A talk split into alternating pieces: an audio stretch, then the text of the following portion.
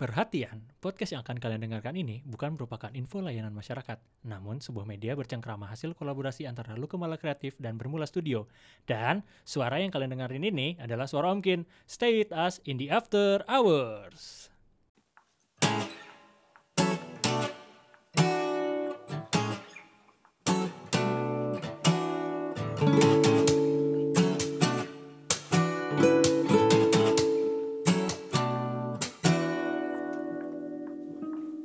Well, hah, episode 7. Lu kemal after hour setelah uh, episode 1 sampai 6 nyaris kita jadi korban mutilasi. beda, beda. beda, beda. Itu mutilasi adanya di di Kalibata. Nah, sekarang episode 7 setelah gua kemarin baca ada bukan baca lihat di uh, Instagram Lambe Turah ada banjir bandang yang di Sukabumi. Ngeri juga sih. Itu lumayan bikin ngeri tuh si captionnya Lambe Turah tuh, Hmm. ya kan? Apa tuh captionnya? Lupa gua, gua buka dulu Lambe Turahnya ya. Ini bridging ya. Iya, lupa, lupa gua. Intinya, lama. intinya, intinya, intinya hari ini kita bahas caption bukan copywriting. Yeay. Yeay, yeay. copywriting is back. Dari mutilasi ke Lambe Turah jelek banget bridgingnya Om Kin. Ah, After hour start.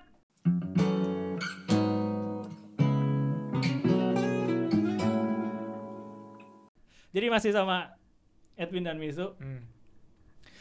Ini yang yang agak banyak minta dibahas kemarin karena kita kemarin ngomongin copywriting itu agak singkat ya. Hmm. Jadi kita coba coba kita bahas lagi copywritingnya. Kita mulai dari caption lambe turah nih gue buka. Serius, serius gue penasaran captionnya Iya sih? kita buka ya caption lambe turah ya. Lambe turah official. Hmm, Oke. Masih dihapus nggak ya? Itu katanya hoax sih soalnya. Si banjirnya. Itu? Eh, oh ini nih ada yang Ada ada yang ini nih kerjasama antara Aqua dan Janji Jiwa lu tahu nggak? Oh iya, yang kebanjiran. Iya. Tuh kan udah dihapus. Oh. Gara-gara itu videonya bukan itu, bukan di sana. Iya, iya, iya. Ya udahlah nggak jadi, su. Oke. Failed eh, bridgingnya. Bridgingnya gagal anjing. ya udahlah. Bu Hejo aja, ya udah gitulah. Gimana tuh? Itu kan apa ya si caption Lambe Turah tuh kayak gue udah sekali sekian banyak gua ngelihat caption Lambe Turah ataupun Instagram yang lain gitu misalkan. Gue yang kena di hati tuh ini Hmm. si brengsek ini. ternyata hoax ternyata.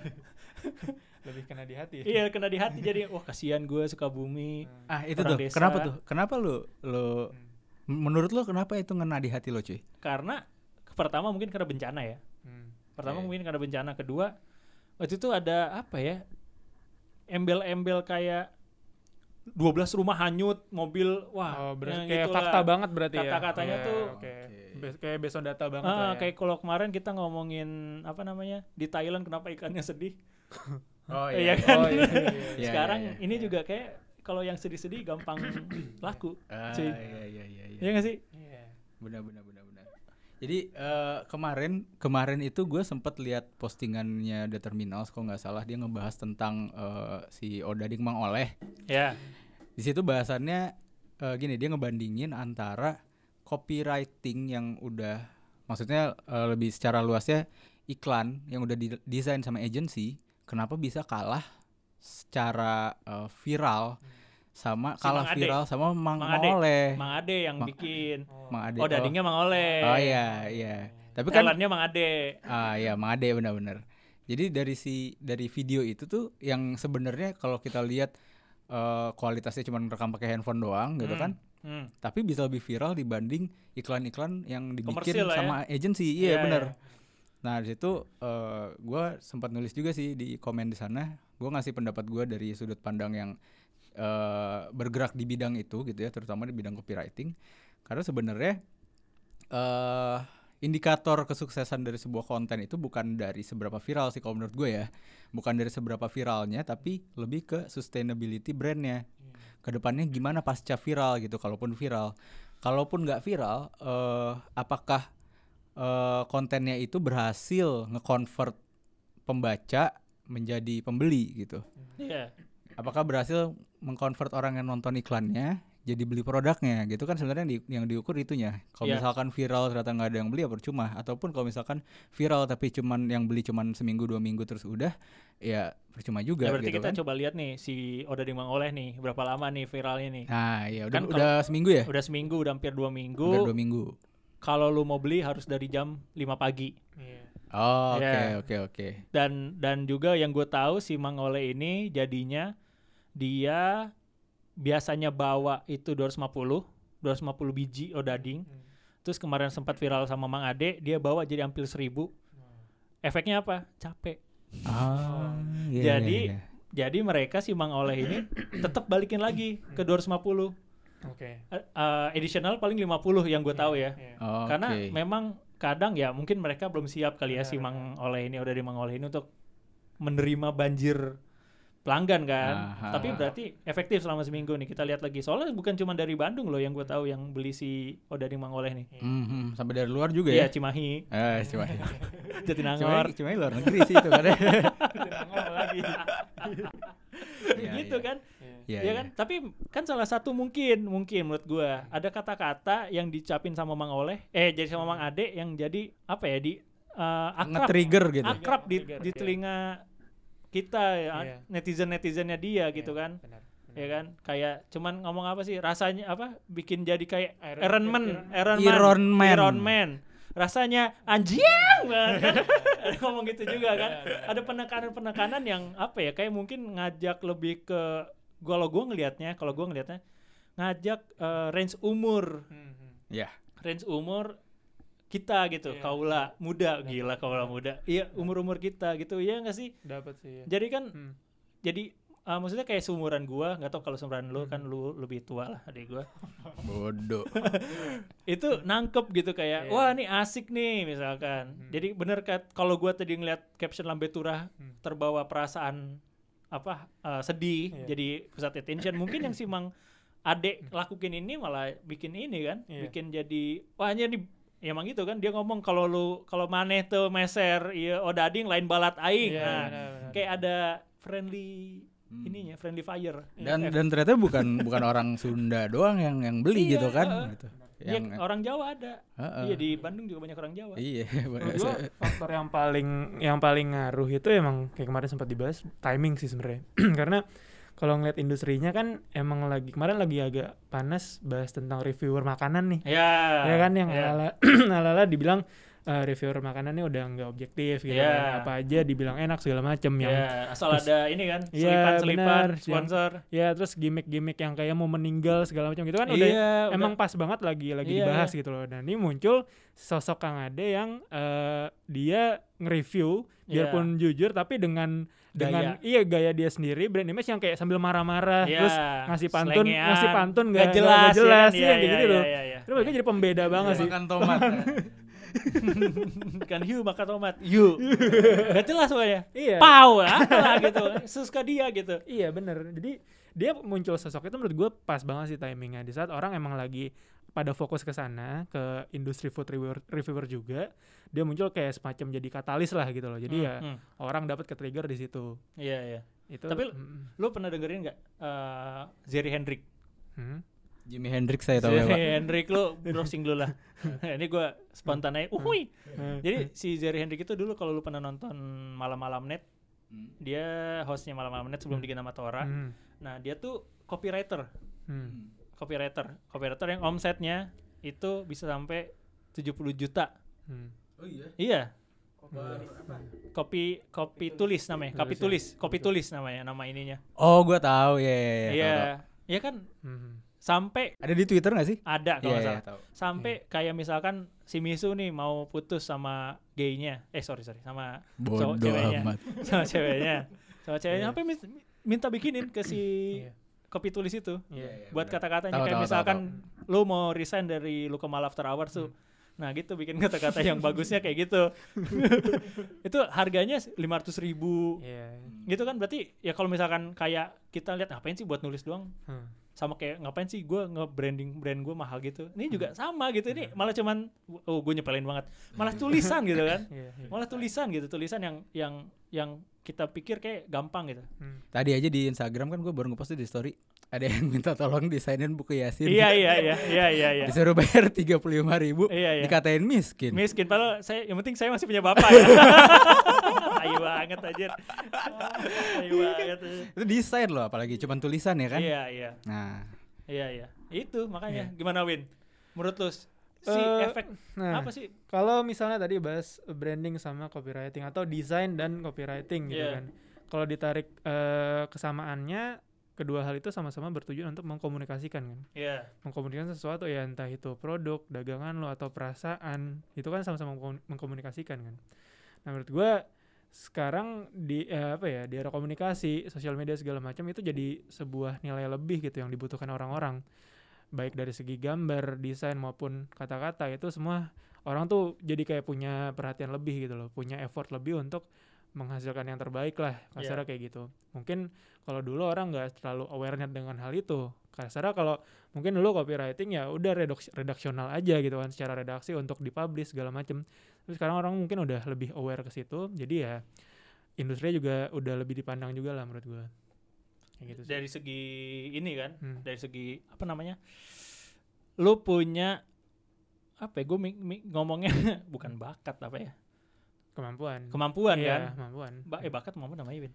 Iya. beda sih skill sih sebenarnya. Skill ya, iya oh ya skill skill. Kalau bakat nggak diasah, Iya, kalau bakat tuh kesannya dari lahir gitu kan. iya. Kalau oh ya kalau skill bakat, kan bisa dipelajari. kalau bakat bawaan lah ya. Mm-mm. Kalau bakat muzizat lah ya. Talenta. Talenta, Talenta. talenta, talenta. Kalau skill dipelajari. Iya. Iya, iya, iya. Ini soalnya sebenarnya banyak juga nih. eh gue lihat beberapa kelas-kelas online buka buka kelas untuk copywriting Iya, iya, iya. karena emang sekarang lagi benar-benar dibutuhin, Iya. S- terutama untuk eh, digital marketing ya. Iya, iya. Karena ya udah kan pandemi kayak gini, kebanyakan orang di rumah mau nggak mau jualannya lewat online gitu. Gimana caranya supaya tulisan kita bisa benar-benar ngejual produk yang mau kita jual Iya. gitu kan? Iya betul betul. Kan balik lagi intinya kan eh, apa? Sales sales lagi kan menjual penjualan Sales lagi. kan. ujung-ujungnya kan cuan Iya, gitu kan. apalagi kalau misalkan kayak gua punya jualan terus orang nggak bisa datang ke tempat gua gitu misalkan. Kayak misalkan gua biasa ngejual ambience dari tempat gua, Ambeien. am- eh, itu penyakit produser. Eh, apa? Iya, itulah suasana lah suasana Ah, iya, iya, tempat gua gitu kan. Cuman gue sekarang ngejualnya cuman dari foto kan. Hmm, Iya kan betul. apalagi selain kalau nggak Foto dan gambar, caption. Iya, kalau nggak gambar, kalau kita kan udah ngomongin uh, storyteller kan. Eh Hmm, storyteller apa sih? Storytelling. Storytelling gambar. Yang Hmm. yang pertama visual storytelling kan. Hmm, Nah, hmm. kan ini pelengkapnya kan sekarang. Betul sekali.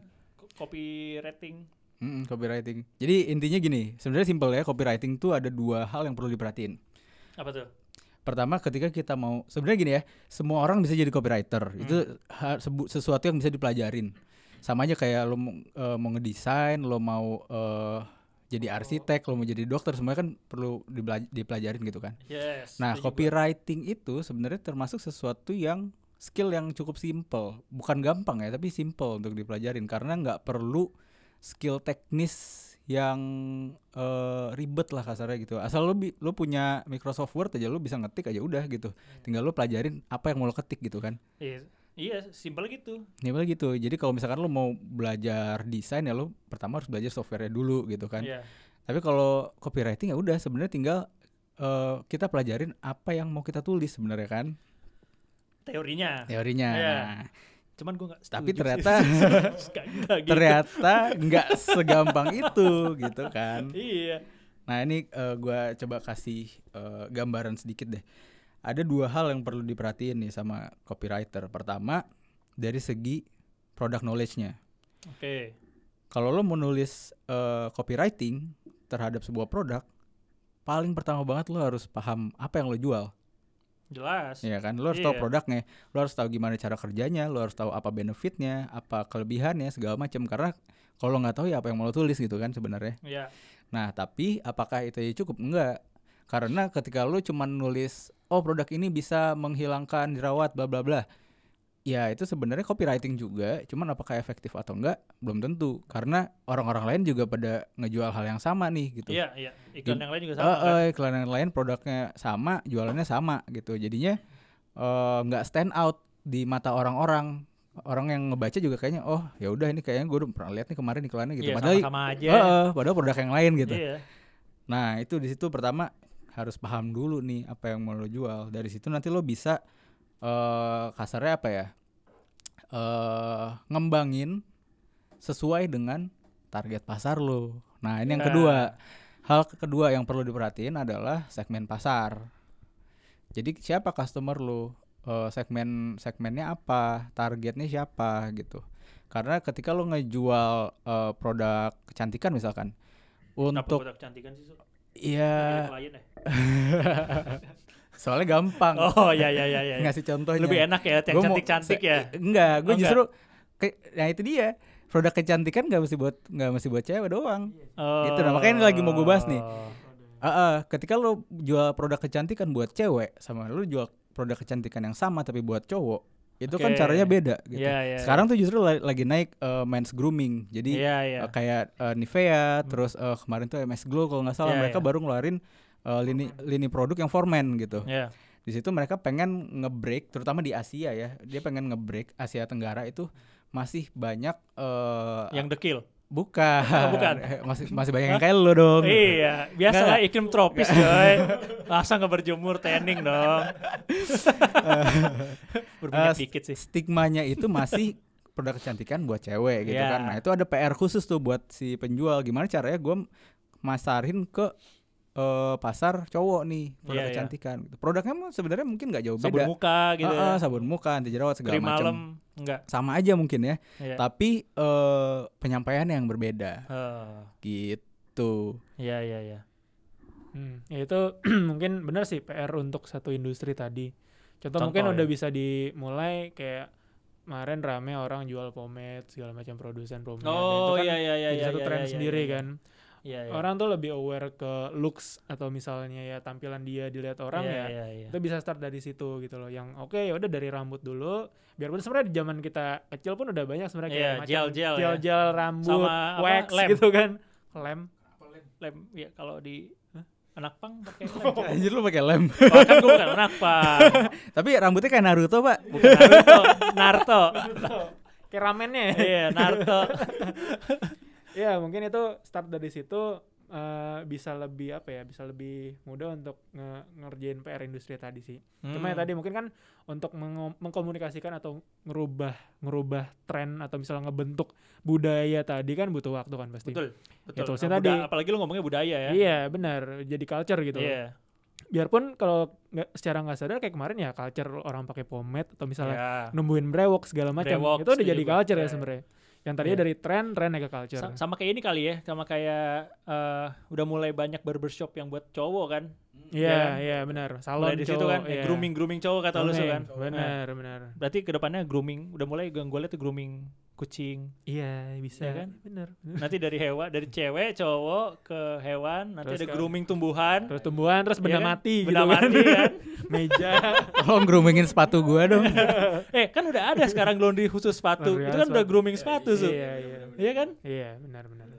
Iya gitu. Jadi intinya gitu, eh, penyampaian yang berbeda perlu di ditegasin terhadap eh, segmen pasar yang berbeda gitu kan. Kayak misal lu jual eh, kopi ke ibu-ibu sama jual kopi ke anak senja gitu beda pasti caranya. Produk Iya, iya. produknya sama nih, Iya, iya. tapi kata-katanya beda mungkin eh, karena apa yang mereka pedulin tuh beda gitu. Ya. Walaupun produknya sama nih. Iya, iya. Produk sama atau jual sepatu deh. Anak muda sama ibu-ibu gitu mau beli sepatu kan eh yang dilihat pasti beda. Prioritinya beda, Eh, ada eh. priority beda kan. Yang satu mungkin lebih mentingin harga sama gengsi, yang Ya. satu lebih mentingin eh, Awet, iya, safety-nya mungkin kan. Iya kan jadi beda gitu. Jadi ketika produknya sama tapi lo nawarin ke orang yang berbeda, kita harus eh, istilahnya apa sih punya empati eh, dari sudut pandang si konsumen. Iya, iya, iya. Gitu. Iya, kayak misalkan ada copyright, misalkan iklan pomade. Maksimalin gaya lo misalkan. Nah. Karena targetnya mungkin anak muda kan. Bener, kalau kayak ibu-ibu ngapain gue gaya-gaya? iya, ya iya, kan? iya, iya bener juga. Iya. Gitu kan. Nah, itu kan salah satu power of si copyright lagi kan. Iya. Yang hubungan betul. sama kata lu tadi apa? Eh, segmen pasar lu kan. Iya. Setuju gua. Itu denger tuh. Apalagi Su? Cepet. Anjir ditagih dong gua. Season depan kita udah rencana ganti host sih sepertinya. Yang kedua, selanjutnya. Klien aja. Tapi jangan jadi klien Yasin ya. Iya, jangan Aduh. amit amit. Aduh, belum belum belum belum belum belum kawin. Maksud gue jangan jangan yang Yasin yang kayak tadi. Iya, iya, jangan jangan. Dimintain bayar tiga puluh lima Jangan, ribu dikatain miskin. Jangan jangan iya iya. Iya kan. Nah, kalau poin yang kedua nih yang yang di catatan gue nih ya. Eh copywriting itu ada triknya. Ada triknya. Apa yang gimana? Pakai itu biasanya ada empat trik utama yang dicetuskan oleh Aristoteles. Anjir, filsuf, di filsuf. Anjir. Ah, lebih ke treatmentnya sih. Jadi ada istilahnya etos, patos, Oh, ini. logos, sama kairos. Anjir. Nah, mungkin pernah dengar eh, etos, patos, logos. Tapi kairos mungkin jarang ya. Kairos. Kera- Beda pak, itu God of War. Ah, jadi itu ada adalah empat prinsip utama yang dipakai untuk sebenarnya untuk influencing people. Itu Oke. itu kepake di politik sebenarnya. Ah, ah, untuk orasi, orator pada zaman dulu tuh gitu. Jadi Cara ya, cara. ah, cara untuk mempengaruhi masa. Hmm. Nah, yang pertama Etos. eh, etos. etos. Etos kerja. Ah. Wah, sama nggak? Coba coba coba menurut lo apa etos? Etos itu adalah win. Etos. Bodoh friendly, amat. friendly, friendly. Mengajak untuk bekerja sama. Etos. Lawakan lo kayak lawakan kakek gue tahun 40-an cuy. kan gue seumuran. gue ada tuh di zaman-zaman perjuangan tuh. Tapi konsepnya mirip sih. Ya kan, iya konsepnya nggak sih? iya, etos. Etos, etos etika nggak sih awalnya? Enggak juga. Ah, beda sih, beda sih. Kalau etos itu lebih ke eh Ayo apa dong, ya? cepet dong. gue biar kelihatan lu yang tahu nih su. etos itu intinya lebih ke soal kredibilitas.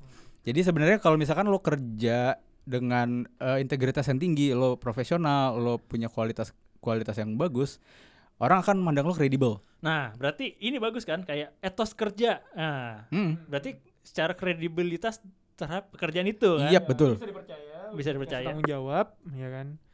Kredibilitas di situ. Iya, iya. Iya. Jadi ketika lo punya eh, punya kredibilitas, apa pun yang lo lo omongin, Bukan credibility ya, Eh, beda. kemampuan untuk kredit. eh, beda pak. itu soal bank. mulu orang. Kalau itu ntar dilihat eh, rekening korannya Oh, iya, pak, beda. nama bank checkingnya ya. Nah, etos itu fungsinya gini, ketika lo udah punya kredibilitas, apa pun yang lo omongin pasti dengerin orang, Setuju gue. iya kan? Hmm. Bahkan ketika kayak Lambetura aja tadi tuh, Iya, iya, ketika iya. captionnya ternyata misleading, ternyata Iya, iya. hoax, tapi Iya. lo udah terlanjur percaya gitu kan, Iya. karena biasanya dia kasih info yang yang eh, faktual gitu Semi kan, valid lah. semi valid, Iya, Oke. karena kan akun gosip, Ah, iya, benar, semi benar, valid.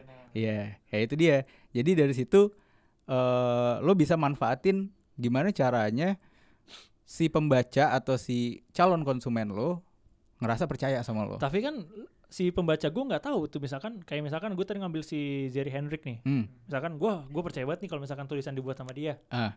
Tapi kan pembaca gue nggak tahu. Nah itu dia. Makanya PR-nya adalah gimana cara lo munculin kredibilitas dalam dalam eh, tulisan lo. Apakah itu nanti ngaruhnya sama si brand?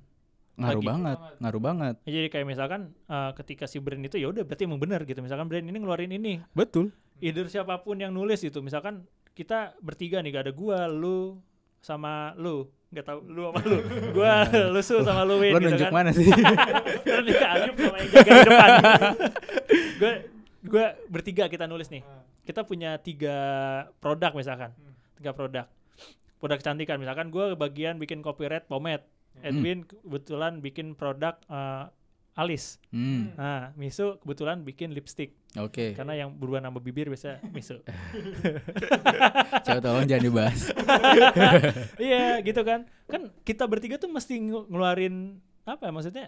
kredibilitas yang sama gitu. Iya gak sih? Hmm, Dalam satu brand kan itu? Iya, makanya karena kan kita jadi mukanya brand kan. Iya betul. Tapi kan orang-orang kayak misalkan yang terkenal lu deh su. Hmm, Misalkan wah si Misu kerja di brand kecantikan A nih. hmm, Dia jadi copywriter. hmm.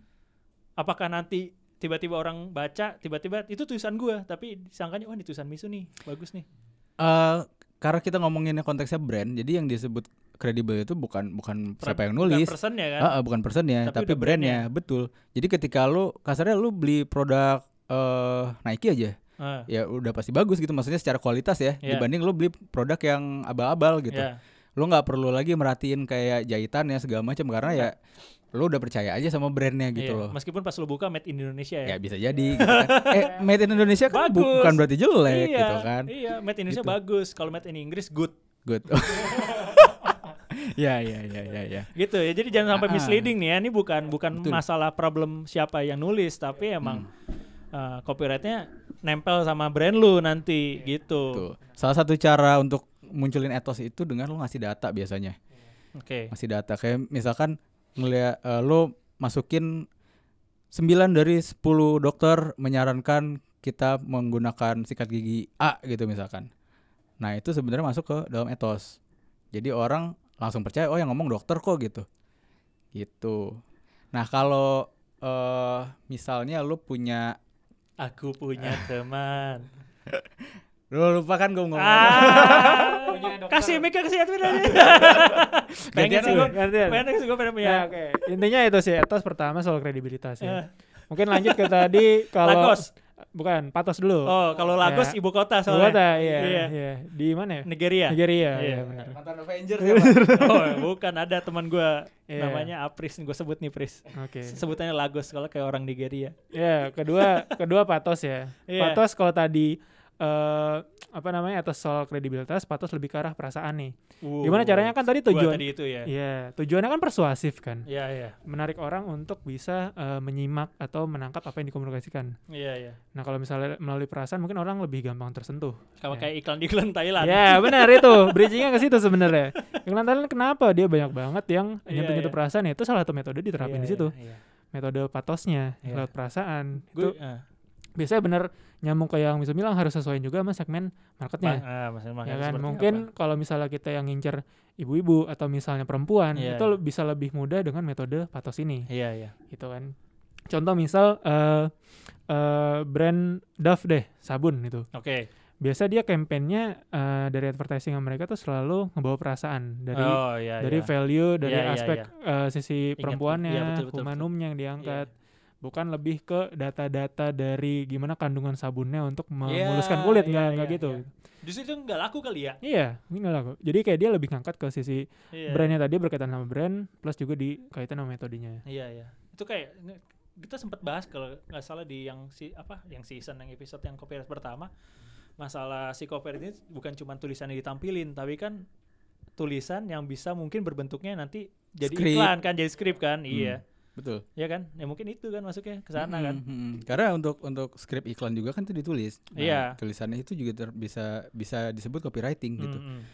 Gitu. Jadi eh, ya itu contoh paling gampangnya emang iklan-iklan di Thailand sih. Iya, gue Yang- gue inget lu inget iklan ini gak sih yang pekerjaan paling sulit di dunia? Yang mana tuh? Ada. Yang ibu bukan? Iya yang ibu. Oh lagi, iya itu iya kan iya, iya tahu, tahu, kacau tahu. tuh Iya gila sih, keren banget. Itu iklan apa ya? iklan ibu. Gak tau gue iklan apa Iklan ASI. Lupa gue. Iklan ASI. Asuransi ya? Ah, Oh, asu- asuransi ya? Asur- Asuransi Indonesia. Aksa, Aksa, Iya iya. Allianz, Iya, iya. Prudensial. Udah tiga nih gue sebut. Gak ada yang mau masuk apa? Iya, gue belum slot- ada nih. Slotnya masih banyak nih. Asuransi gue belum nih. Baru BPJS. Terus juga telat bayar. Nah itu tadi eh, Patos. eh, patos ya. Hmm, Jadi tadi etos udah, patos udah, sekarang lanjut ke logos. Logos. Logos ini intinya logika. Oh, gue kira banyak logo. Ah bukan, bukan Pak logika. Logos. bukan. ya, udah ya, bukan ya. Atau atau yang yang serem. Logos. Bukan. Ghost. oh, salah ya, salah. Oke. Oke, jadi kita ke Nigeria kapan? Iya, siapa? Par Pariaman ya siapa tadi? Pak, siapa? Apris. Ah, Pris. Iya. Pariam. Pariaman lah. Maineng. Jadi lu lu tau gak kenapa di Padang tuh sebutnya Minang? Kenapa? Karena dulu banyak minyak bumi di sana.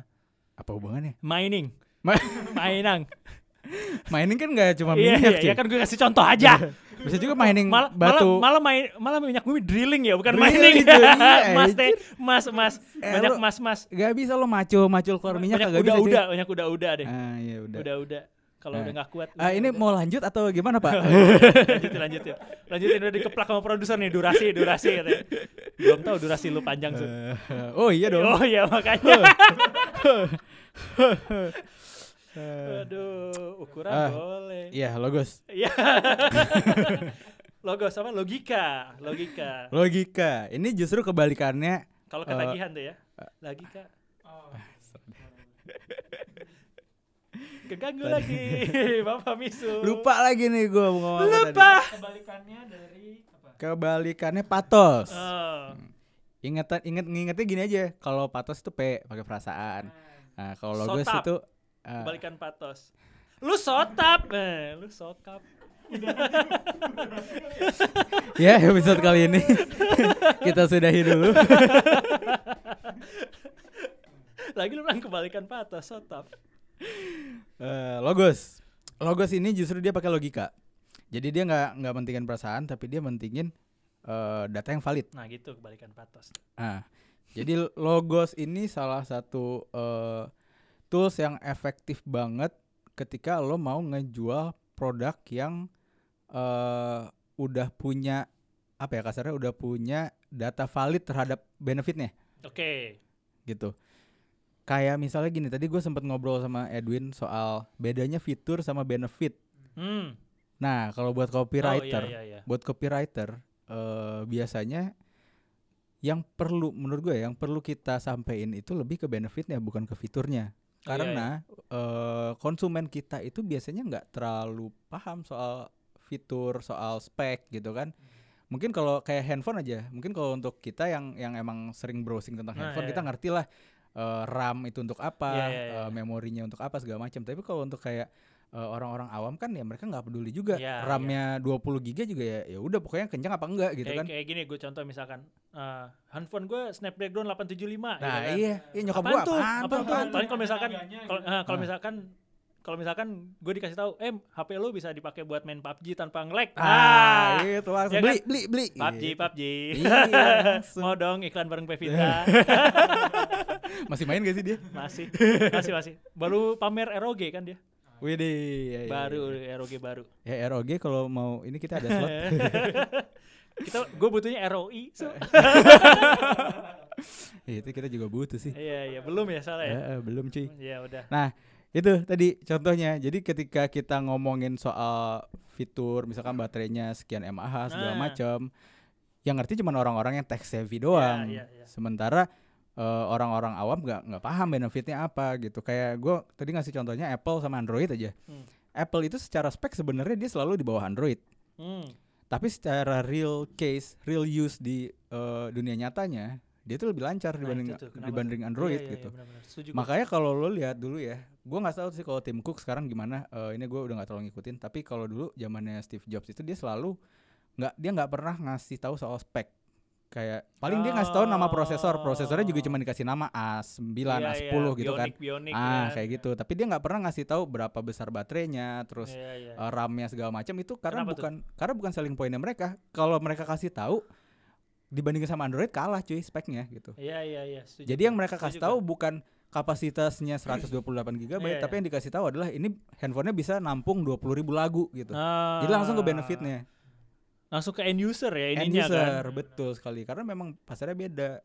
Ih, Gitu. cerdas ya sih. Itu salah satu teknik copyright yang tadi logos kan. Betul, Jadi betul. yang gampang diserap aja kan dibanding Ah, gue ah. mikir lagi baterai 5000 mAh berapa jam gue? ah, ah, nggak ya kan tahu bisa gitu main kan. PUBG sambil teleponan enggak? Ah, dan terbukti malah baterainya eh, iPhone yang lebih kecil ternyata malah lebih irit gitu. Iya, kan. Jadi iya. kalau dia kasih tahu Tapi sekalinya bocor gembung. Ah iya betul. Tapi nggak sampai meledak kayak Samsung sih. Enggak, enggak. ya, ya. Waduh, di blacklist Samsung kita nih. Tolong David gadgetin. Oke, Apa lagi, Win? ya, Tambahan, Win? Logos ya sih lebih karena logika yang dibangun. Iya. Karena eh, ada sebagian orang yang emang bisa lebih ke trigger eh, kalau logikanya dipancing gitu loh. Iya. Dikasih- Yang real life-nya Yang real life, kan. benar, yang Iya kan? praktikal gitu. Yang praktikal yang benar-benar dia lakuin gitu kan. Iya, beda sama yang tadi perasaan atau patos itu lebih ke apa ya? Ada sense of belonging yang dibangun Hmm, antara eh, brand ke audience gitu Iya, misalnya. tadi kan. gue kira lu bakal ngasih contoh iklan kitabisa.com buat yang bisa juga. Etos. Iya. yang patos. eh patos patos patos yang patos. Etos tadi si ini ya, Iya. si credibility. benar. Ya itu pasti lah karena eh, itu kan di charity kan. Iya. Charity pasti kemungkinan yang dibangun lah Iya, patos. Kalau di gitu. itu di deket lu Pondok Labu ada Caritas namanya. SMA Caritas. Beda.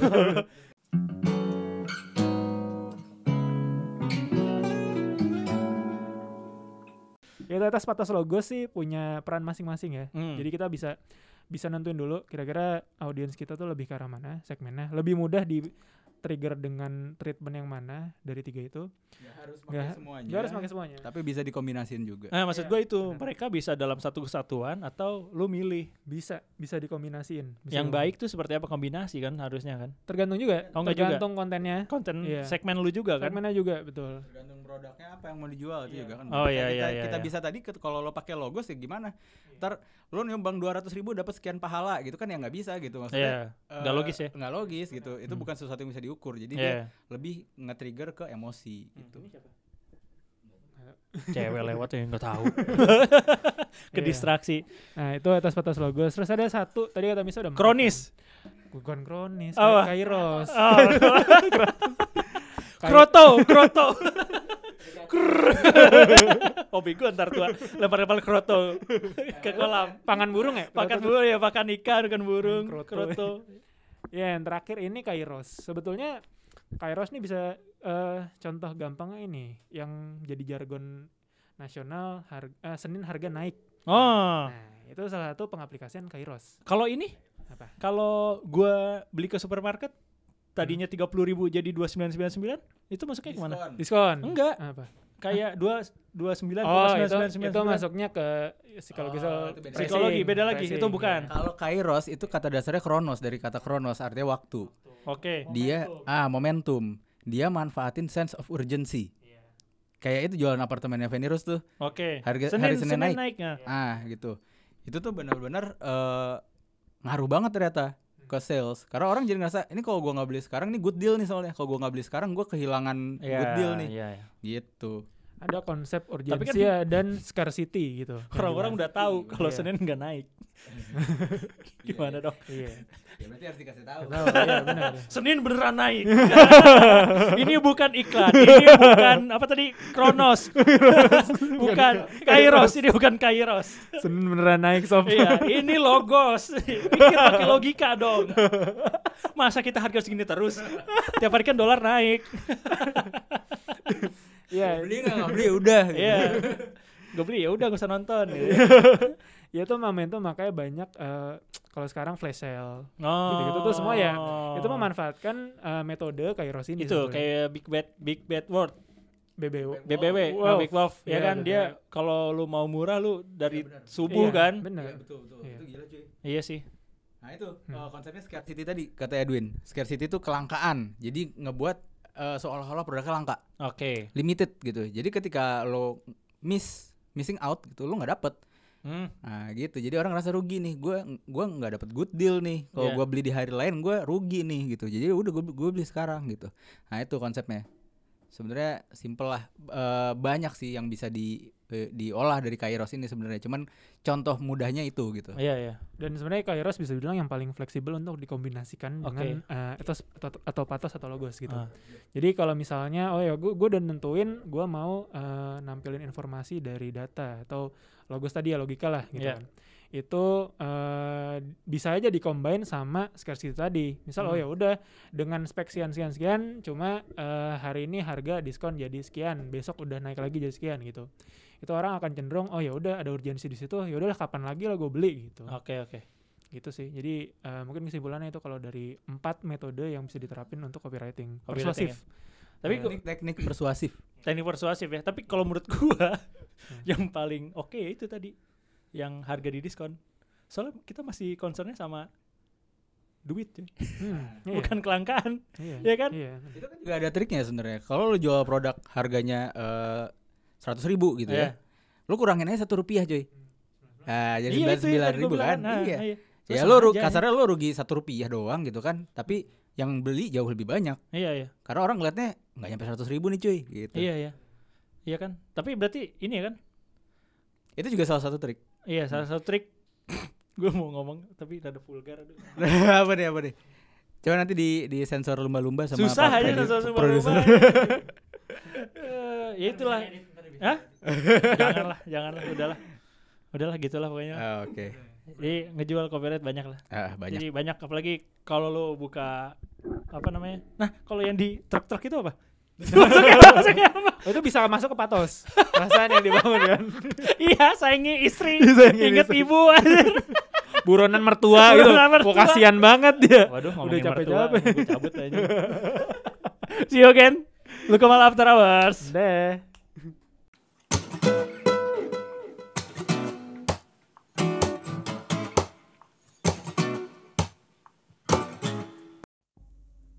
Saat ini, kita sedang berada di tengah-tengah kondisi pandemi, baik di Indonesia maupun di seluruh dunia. Oleh karena itu, kami turut menghimbau agar teman-teman tetap menjalankan protokol kesehatan yang telah dicanangkan oleh pemerintah. Dan juga, jangan lupa untuk berolahraga secara teratur, serta bersenda gurau, agar kesehatan mental dan jasmani teman-teman tetap terjaga.